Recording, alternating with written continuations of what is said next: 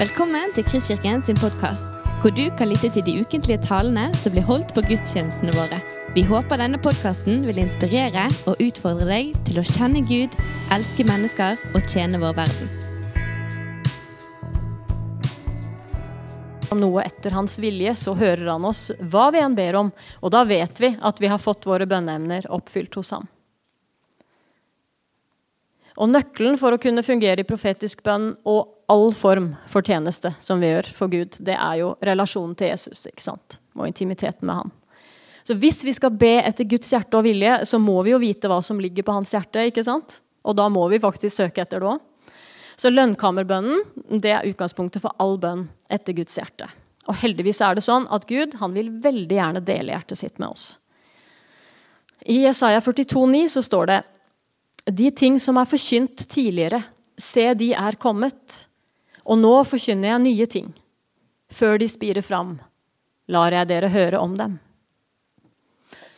Og så er det sånn at Når vi leser Johannes' åpenbaring, så ser vi at før hver store ting som Gud skal til å gjøre, så synger de eldste og englene og skaren foran Guds trone. De synger ut hva som skal skje, før det skjer. Og de synger en ny sang om det som skal skje, står det. Og så handler Gud, og så gjør han akkurat det de synger om. Um, og i åpenbaringen 5.8 så står det da han hadde tatt bokrullen, falt de fire livsvesener og de 24 eldste ned foran lammet. Og i vers 9 så står det de synger en ny sang og sier du er verdig til å ta bokrullen og åpne seilene på den. Og i kapittel 6 så bryter lammet faktisk seilene. Så de sang om det, og det skjedde. Og det skjer i Guds tid, når det ligger Han på hjertet å gjøre det. Men det ser ut som det skjer et samspill mellom Gud og de som er i himmelen. Og videre i Åpenbaringen 8, vers 3-6, så står det en annen engel kom og sto ved alteret. Han hadde et røkelseskar av gull, og det ble gitt ham en stor mengde røkelse for at han skulle legge den til de helliges bønner på gullalteret foran tronen. Og røyken av røkelsen steg opp fra engelens hånd, opp for Gud, sammen med de helliges bønner. Og engelen tok røkelseskaret og fylte det med ild fra alteret og kastet den på jorden. Da kom det tordendrønn og røster og lyn og jordskjelv. Og de sju englene som hadde de sju basunene, gjorde seg klar til å blåse. Så de helliges bønner i himmelen eh, de er eh, altså representert i gullskåler med røkelse. Og det må jo være bønner som er drevet av Den hellige ånd og bedt etter Guds vilje, slik at han kan gripe inn. Så hvis vi ber våre bønner i tråd med himmelen, så vil Guds vilje også skje på jorden. Og Forbønn det handler om å stå i gapet. Eh, gapet er differansen mellom det Gud vil, og tingenes faktiske tilstand. Så er vi med og, og lokker det gapet. Eh, og jeg er overbevist om at Gud kaller vektere, profeter og portvoktere, forbedre, for nasjonene. For å varsle om det som skjer i den åndelige verden, eh, og holde stand mot fienden og mørkets makter.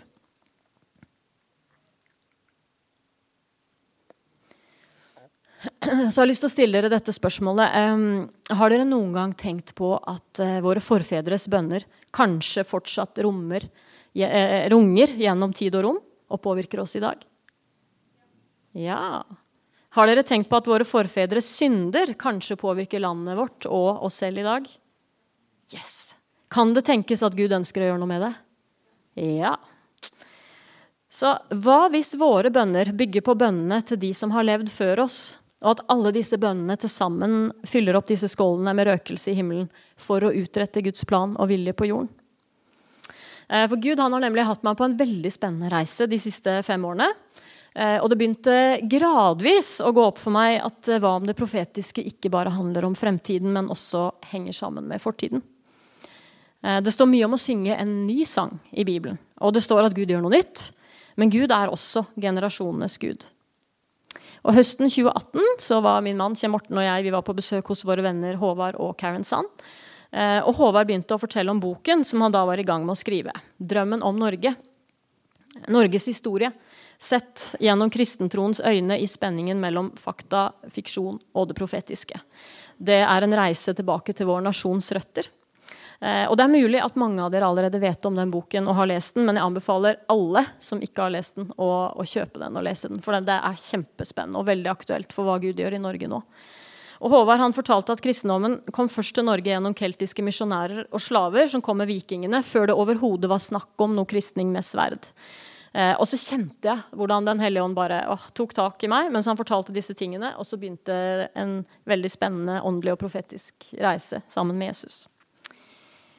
Eh, og så opplevde jeg et meget betydningsfullt eh, øyeblikk eh, på selveste 17. mai i 2021. Da sto jeg og lagde engelsk frokost til Kjell Morten og meg. Og så var jeg i ferd med å sette på en trommevideo, for det gjør jeg ofte når jeg gjør et eller annet i huset. En podkast eller trommevideo, for man må jo alltid lære noe nytt. ikke sant? Men da følte jeg at Den hellige ånds nærvær kom veldig sterkt over meg. Um, og så sa han ikke sett på noen videoer eller podkast i dag fordi jeg har noe viktig å si til deg. Og jeg blei fylt av en sånn ærefrykt. og jeg bare sto der, klar til å ta imot. For det skjer nemlig veldig sjelden med meg at Den hellige ånd kommer over meg på den måten. Um, det er mulig at det er helt dagligdags for alle dere. Men det er det ikke for meg, så det var veldig spesielt. Uh, og så opplevde jeg at han minnet meg på dette bibelverset i Forkynneren 3.15. Det som allerede har vært, er det som er nå. Og det som skal bli, har allerede vært. Gud krever regnskap for det som hører fortiden til. Altså, det er flere oversettelser av dette verset. Dette det her var fra Bibelen Guds ord, men f.eks. i 2011-oversettelsen så står det Det som skjer, har skjedd før, og det som skal hende, har også hendt. Gud søker opp igjen det som forsvant. Så er ikke den setningen eh, 'Gud krever regnskap for det som hører fortiden til', veldig interessant? Uh, og her er et utvalg fra noen engelske oversettelser. God seeks what has passed by, so that history repeats itself. And God seeks what has been driven away. And God requires that which is past. Så det er litt ulike oversettelser, men vi skjønner poenget. Fortiden er visst viktig for Gud. Uh, men hvorfor er dette med historien så viktig, da? Uh, fortid er vel fortid? Vi ser i åpenbaringen at bønnene til de hellige havner i gullskåler og blir tømt ut på jorden. Eh, så jeg tror at de bønnene som har blitt bedt siden tidenes morgen, de ligger eh, fortsatt eh, som et ekko som går gjennom tid og rom og fyller opp de bønneskålene. Det er én side av saken. Men hvis forfedrenes bønner påvirker oss i dag, så gjør vel også handlingene deres det. Og Man kan ofte se over land og steder hvilke åndsmakter som påvirker dem. Og For å illustrere hvordan eh, disse festningsverkene kan bli manifestert i det fysiske, så skal jeg dele en historie fra en bok som heter 'Releasing Prophetic Solutions' av Christy Johnson. Hun er en profetisk forbeder og en viktig profetisk stemme i vår tid. Og I denne boka her så forteller Christie om en landsby på landet i Australia, eller en by, eh, som hadde et stort problem med kolonier av flaggermus. Eh, og problemet hadde blitt så stort at det lå en håpløshet over byen. Og jeg har selv vært i Australia og sett trær kolonisert av flaggermus. Eh, det er ikke noe hyggelig. De lager mye lyd. Det stinker. Um, så bare se for dere å ha det der overalt rundt dere.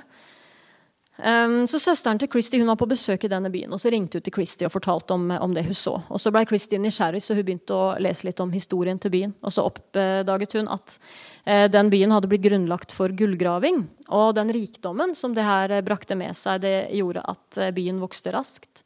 Så fikk den snart tilnavnet The World, eller Verden, fordi folk angivelig kunne reise dit og få dekket alle sine begjær og lyster. Og så fikk jeg en opplevelse eller åpenbaring om at eh, det var innbyggernes handlinger som skapte en slags eh, åndelig avtale eller enighet med fienden i det usynlige.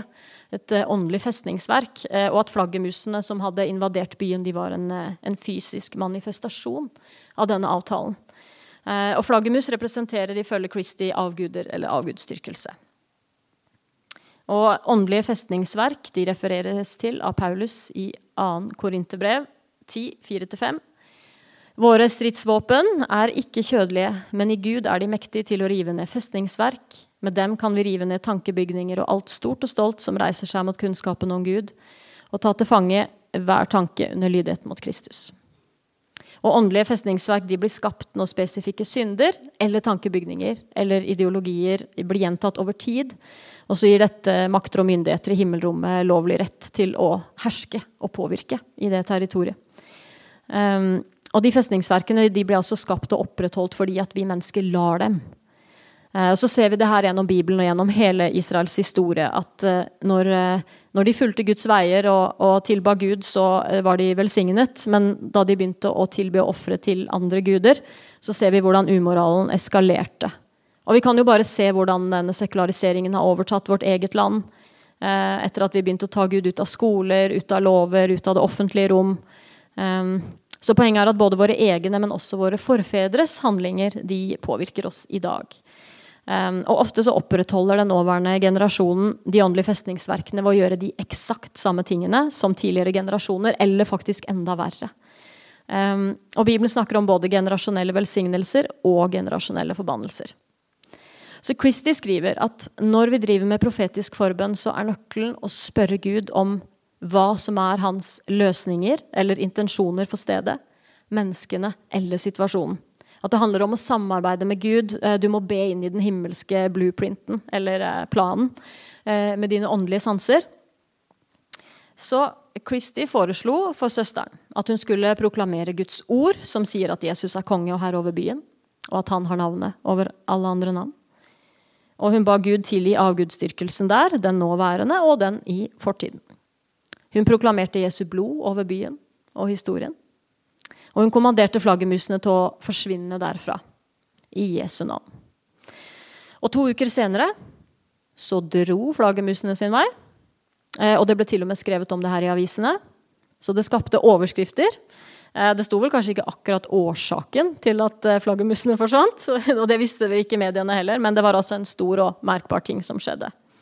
Så ved å be om tilgivelse, proklamere Guds ord, navnet Jesus, hans blod og Guds plan og vilje over byen, så ble denne pakten, eller enigheten, med avgudsdyrkelsen brutt. Eh, og jeg har også selv fått se eksempler på hvordan et steds historie er synlig i de fysiske omgivelsene. I mai så var min mann og jeg vi var på tur i eh, Hellas, og vi var i Tessaloniki fordi noen vi kjenner de driver et bønnehus der. Og han, eh, ja, en av dem han driver mye med prayer walks i byen, og han har en veldig unik nådegave til å se ting i det åndelige. Og min opplevelse er at Gud faktisk sendte meg på studietur dit, altså, for at jeg skulle lære å forstå mer av hva som foregår i det åndelige, eh, og hvordan dette påvirker den fysiske virkeligheten. Så Antonio han tok oss med til de ulike bydelene, så fortalte han historien om hva som har skjedd på de ulike stedene, og mm, viste hvordan det er en klar sammenheng mellom det og hvordan de områdene ser ut i dag. Litt som historien om flaggermusene, så kan du faktisk se i det fysiske hvilke avtaler som er gjort i det åndelige. Eh, og da vi var i det området der keiserens palass og hippodromen lå, så fortalte Antonio at det hadde vært mye blod utøst der.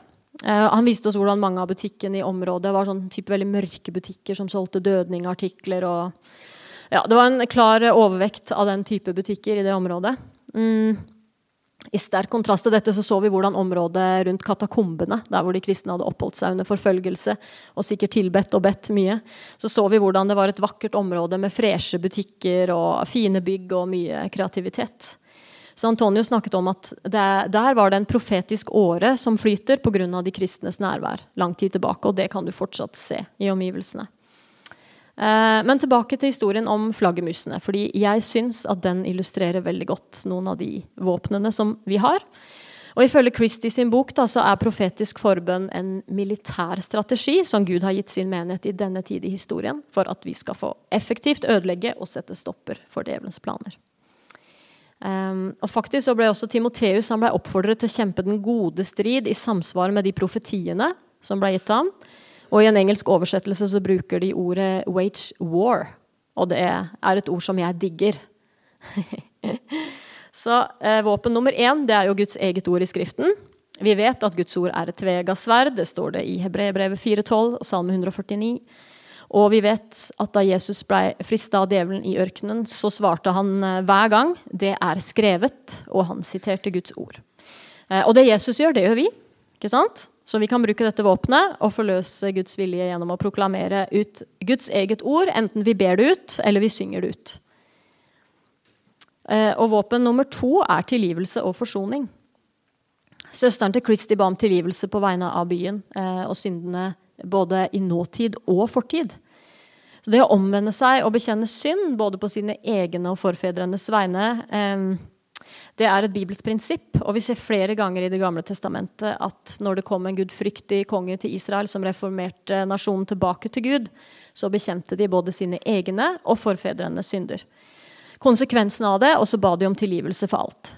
Og i Nehemia 9,2 så står det De som var av Israels slekt, skilte seg ut fra alle som hørte til hedningefolk. De sto frem og bekjente sine synder og sine fedres misgjerninger. Og så gjorde de en ny pakt med Herren, som vi leser i vers 38. Og i 2. krønikebok 7,14 så står det at hvis hans folk ydmyker seg og ber, så skal Gud tilgi syndene og lege landet. Eh, men så er det sånn at et av de vanligste spørsmålene jeg får når jeg underviser i dette temaet, det er men hvorfor skal jeg be om tilgivelse for noe som forfedrene mine gjorde lenge før jeg blei født? Jeg hadde jo ingenting med det å gjøre. Å nei, vi hadde ikke noen ting med det å gjøre.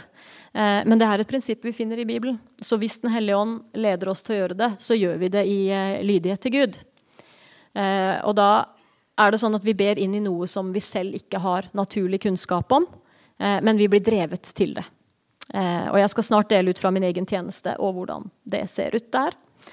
Et annet spørsmål jeg ofte får, er men er ikke dette et gammeltestamentlig prinsipp? Trenger vi å be om tilgivelse for fedrenes synder? Har ikke Jesus gjort opp for det her, endelig på korset? Står det noe om å be om tilgivelse for forfedrenes synder i Det nye testamentet? Og det er jo et veldig bra spørsmål. Jo, Jesus gjorde opp for dette på korset, og han vant seier over mørkets makter.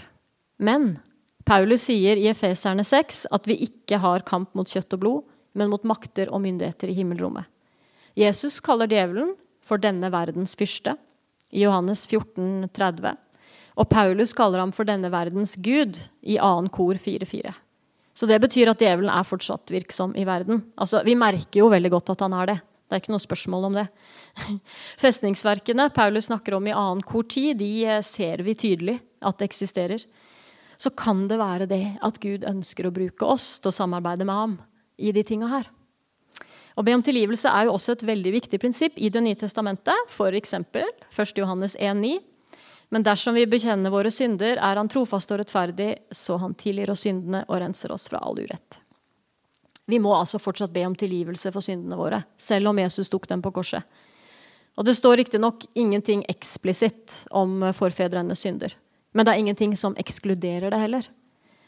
Forskjellen er nå at i den nye pakt så kan vi proklamere Jesu blod over alt vi ber om tilgivelse for, og synden blir slettet.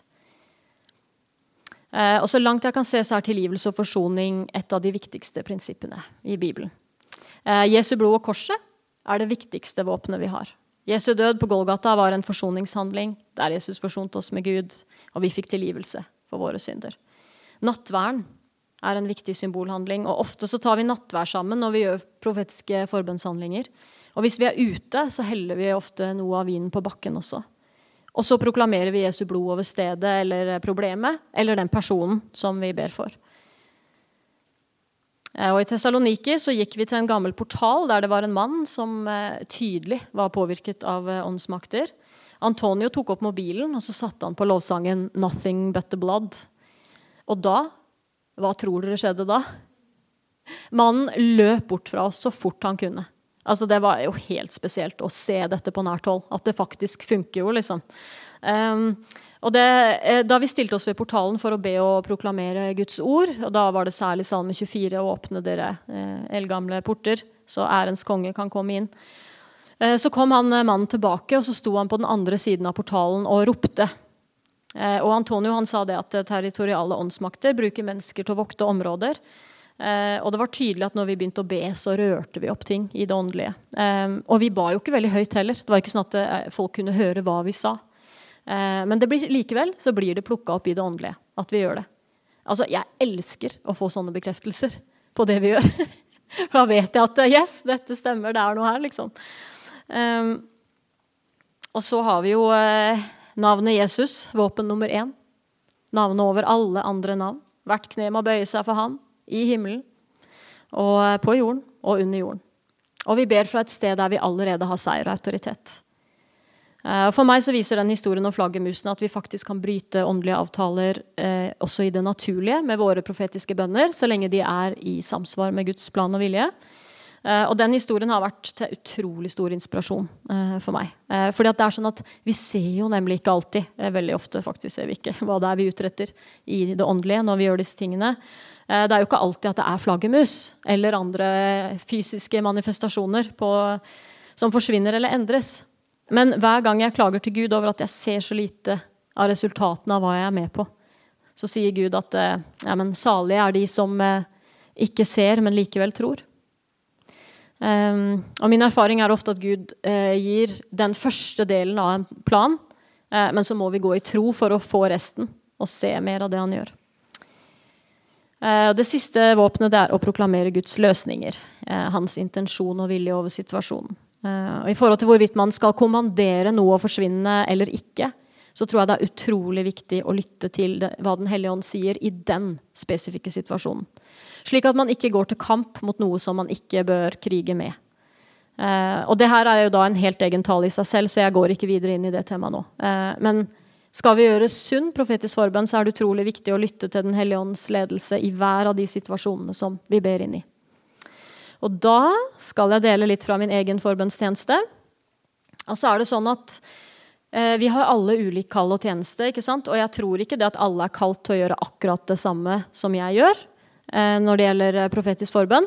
Eh, men nå skal jeg dele litt av det som jeg opplever at Gud leder meg til å gjøre. Og det kan jo se helt annerledes ut for dere. Men prinsippene er de samme. Våpnene er de samme. Alt kan overføres til profetisk forbønn i enhver situasjon, enten du ber for steder, situasjoner, eller du betjener mennesker i bønn og utfrielse.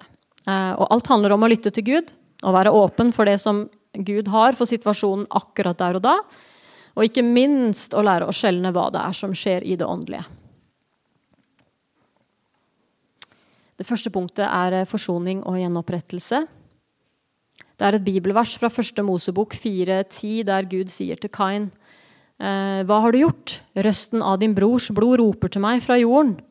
Og Norge har gjort seg skyldig i mye blodskyld.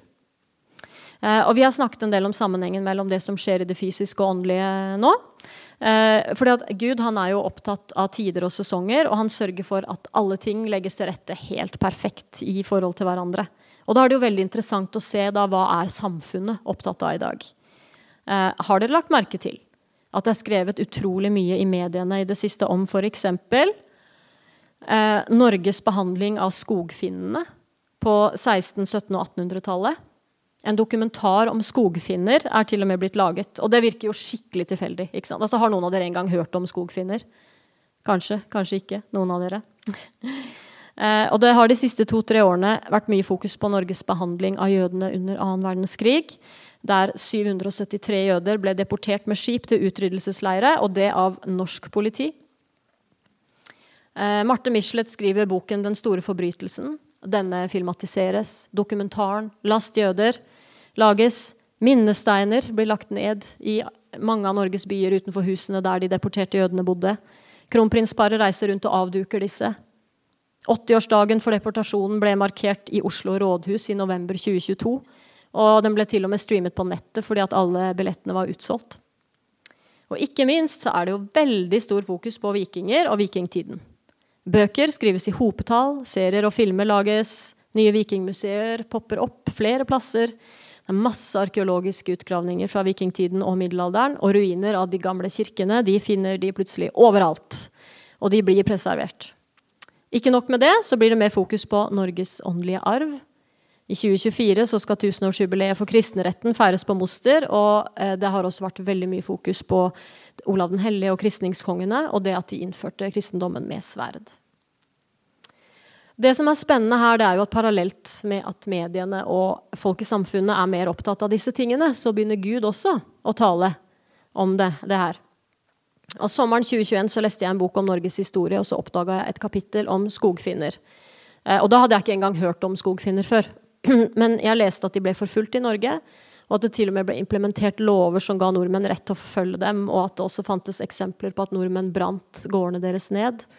Uh, og da jeg leste om disse skogfinnene, så bare kjente jeg at det liksom tok tak i min ånd. At det ble highlighta for meg på et vis. Men ja, jeg skjønte at det var noe her, men jeg visste ikke hva det betydde. Uh, så jeg, jeg, gjemte de i mitt hjerte. Eh, og våren 2022 så fikk jeg vite at to finner og to svensker fra et bønnenettverk som jeg var med i, ønsket å reise til Finnemarka i Drabensområdet på en profetisk bønnetur. Eh, og så søkte jeg Gud om jeg skulle være med eller ikke, og så fikk jeg ikke fred for å reise dit og møte dem. Og så forsto jeg ikke hvorfor, fordi at jeg kjente jo kallet til å gjøre noe der i forhold til det. Men så endte det med at de kom seg ikke inn i Finnemarka og bosetningene der pga. at det var bomvei. Og så følte de at de uff, eh, det, arbeidet var ikke fullført. da. Eh, og da ga det mening for meg at Gud hadde stoppa meg fra å reise, og så bare visste jeg at nå kommer det en del to, og der skal jeg være med.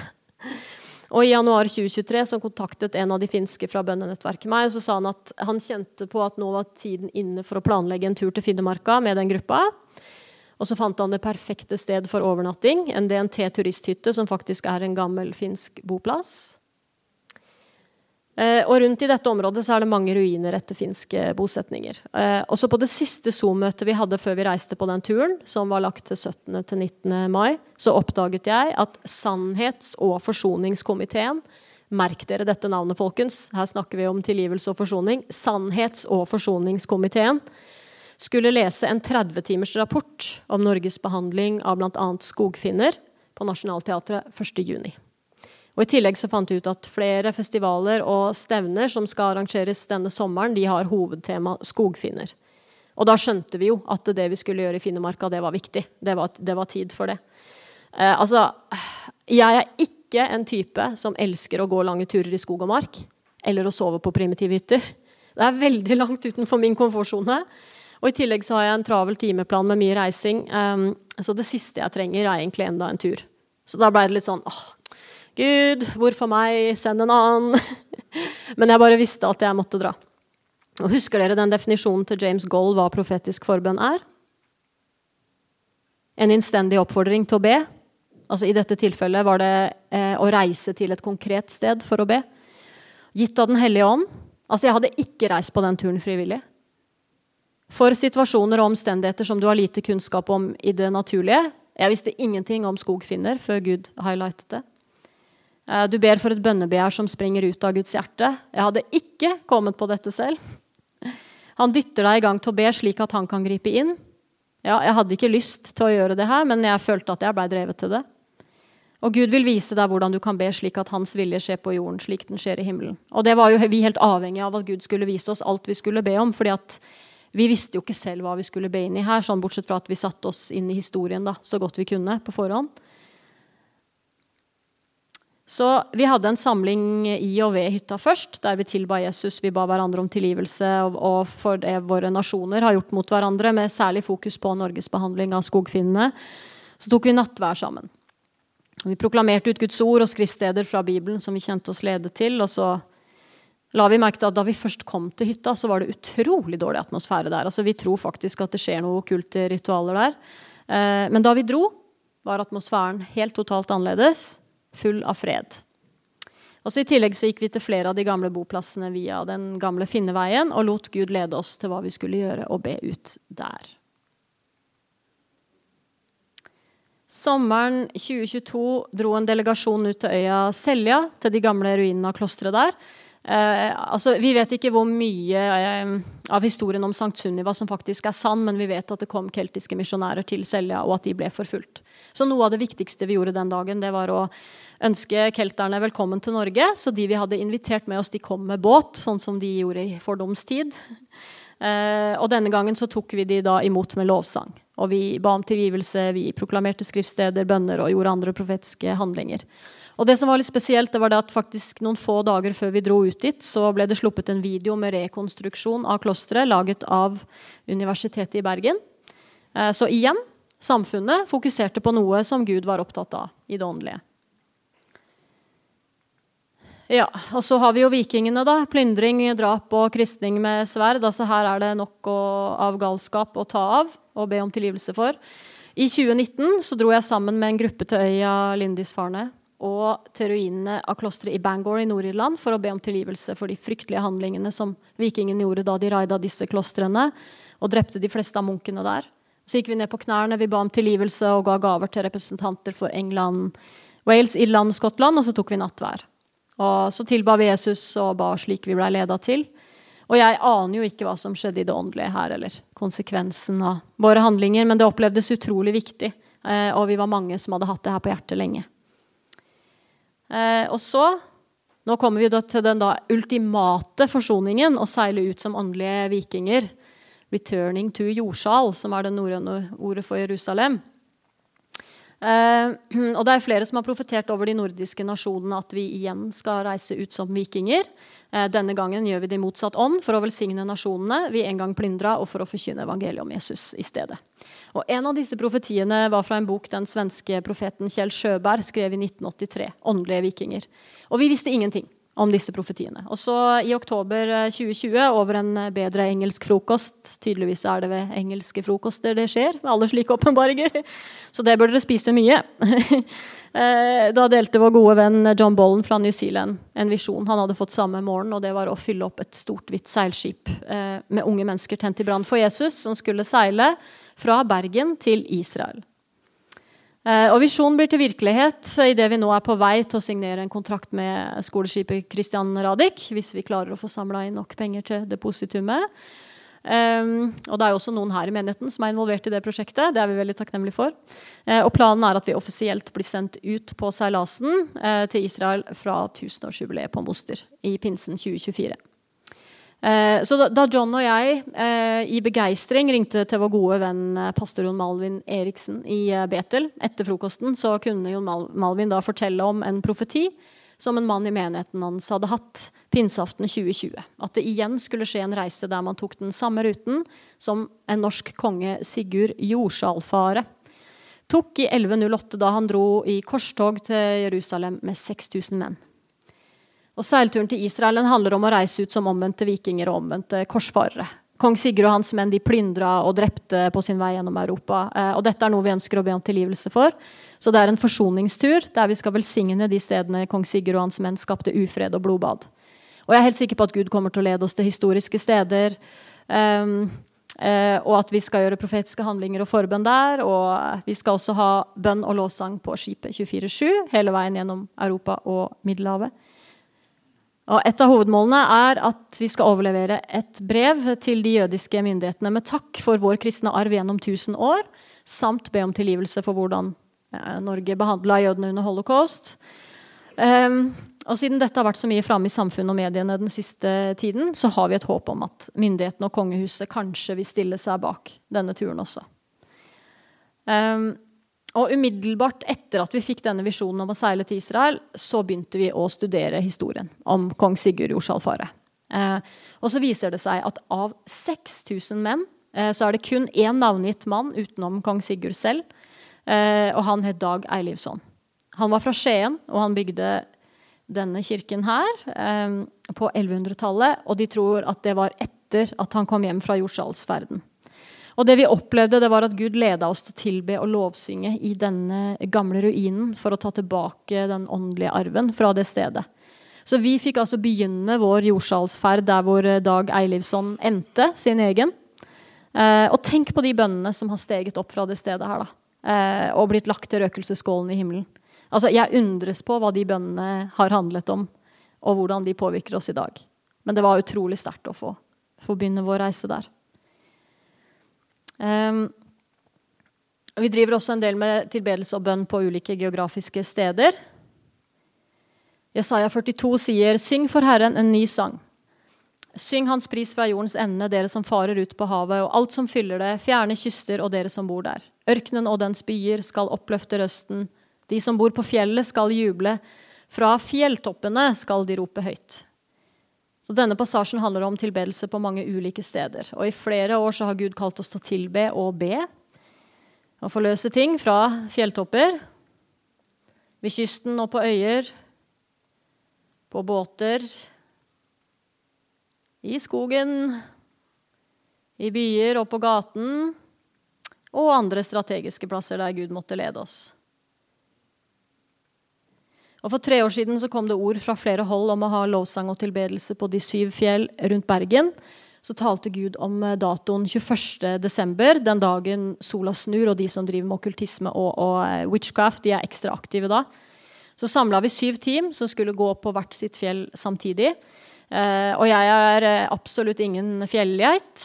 Eh, men de siste tre årene så har jeg måttet slite meg opp på Bergens fjell i både regn, crazy vind, snøstorm. Altså, Jeg vet ikke hvorfor ikke Gud bare fikser fint vær på disse dagene. Det er så irriterende. Og det er absolutt ikke tidsfordriv som jeg gjør med lett hjerte om vinteren. Ikke om sommeren heller, for så vidt, men det er tross alt lettere da. Eh, men jeg kjenner at det er viktig at vi fortsetter å gjøre dette, selv om jeg hvert år sier til Gud eh, vær så snill, send noen andre. Eh, og så driver vi med profetisk forbønn på diverse historiske steder. Det her er ved Hafrsfjord, der Norge ble samla til ett rike. Dette her er fra noen bunkerser oppe i Nord-Norge fra annen verdenskrig. Det var noen sataniske skriblerier på veggene der, så vi vaska de bort, og så skrev vi 'shalom' isteden.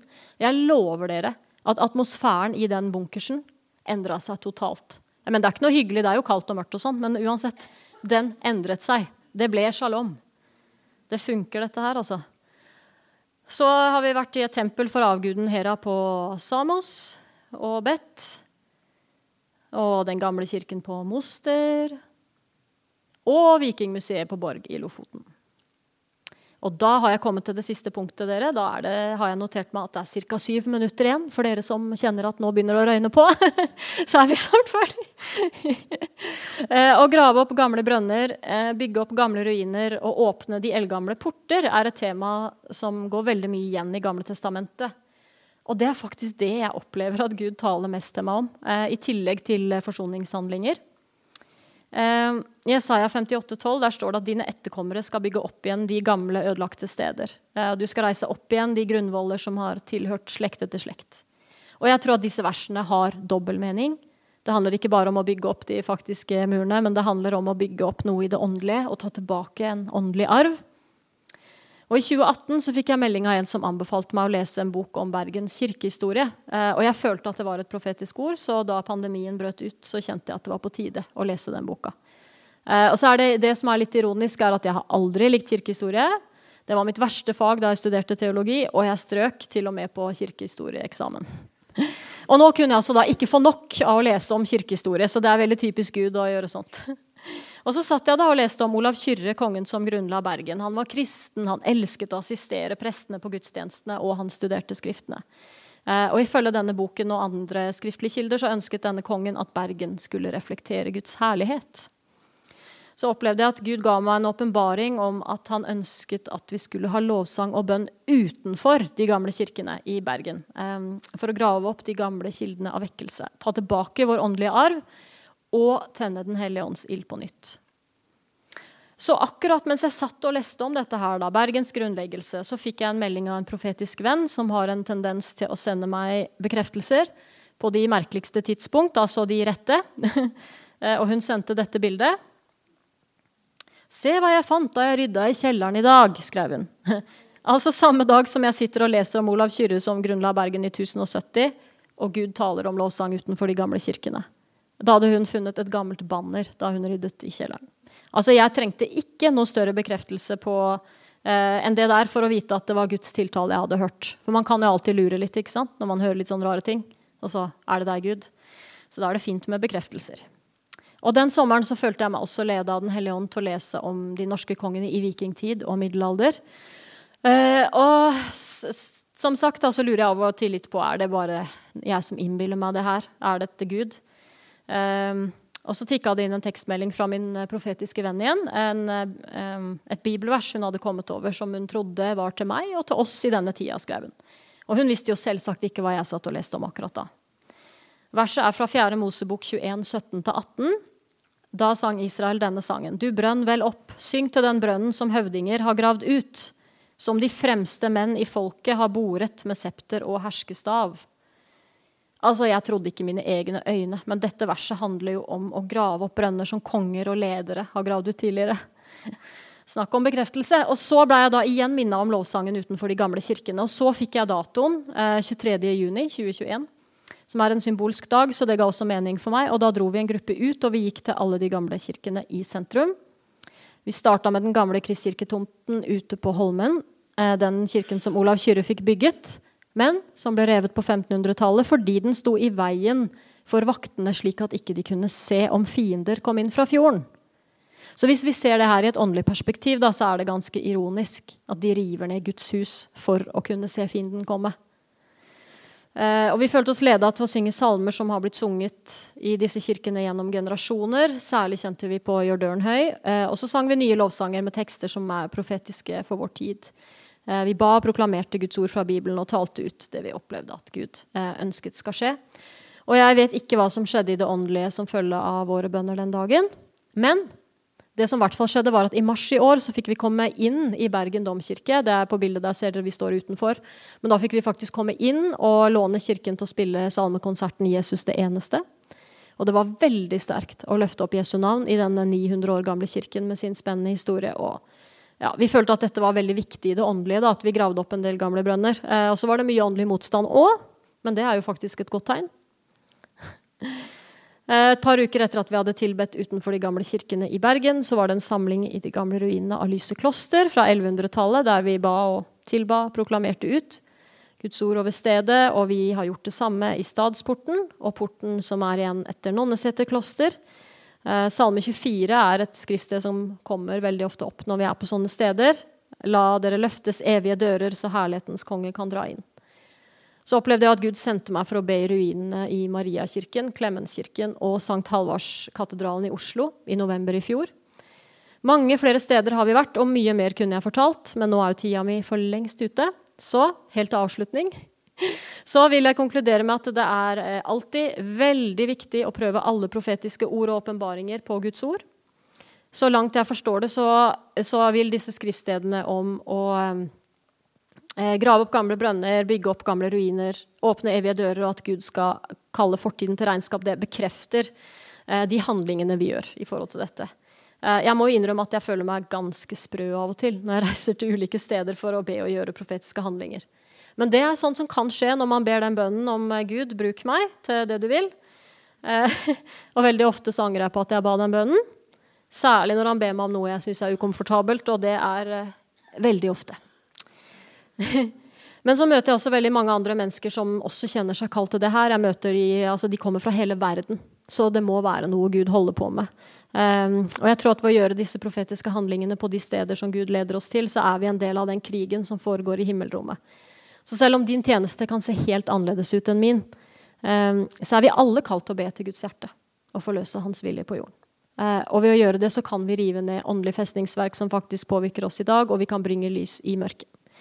Og jeg tror at det er eksakt det som skjer når vi tilber og ber på disse plassene. Og som eh, Tone Lise nevnte også, så skal det jo være en konsert i Nidarosdomen til neste helg. Den er jo en del av dette store bildet som jeg nå har lagt ut for dere. Så da konkluderer vi. Dagens tale med 2. Peter 1, vers 19-21, sier Og desto fastere har vi det profetiske ord, som dere gjør vel å holde fast på, lik et lys som skinner på et mørkt sted inntil dagen lyser fram og morgenstjernen går opp i deres hjerter. Først og fremst vet dere at ingen profeti i Skriften er gitt til egen fortolkning. For aldri er noen profeti kommet ved et menneskes vilje, men ved Guds hellige mennesker talte drevet av Den hellige ånd. Amen og amen. Du har lyttet til en podkast fra Kristkirken i Bergen. Vi håper du har blitt inspirert og utfordret i din vandring med Gud. Vil du vite mer om oss, så klikk deg inn på kristkirken.no.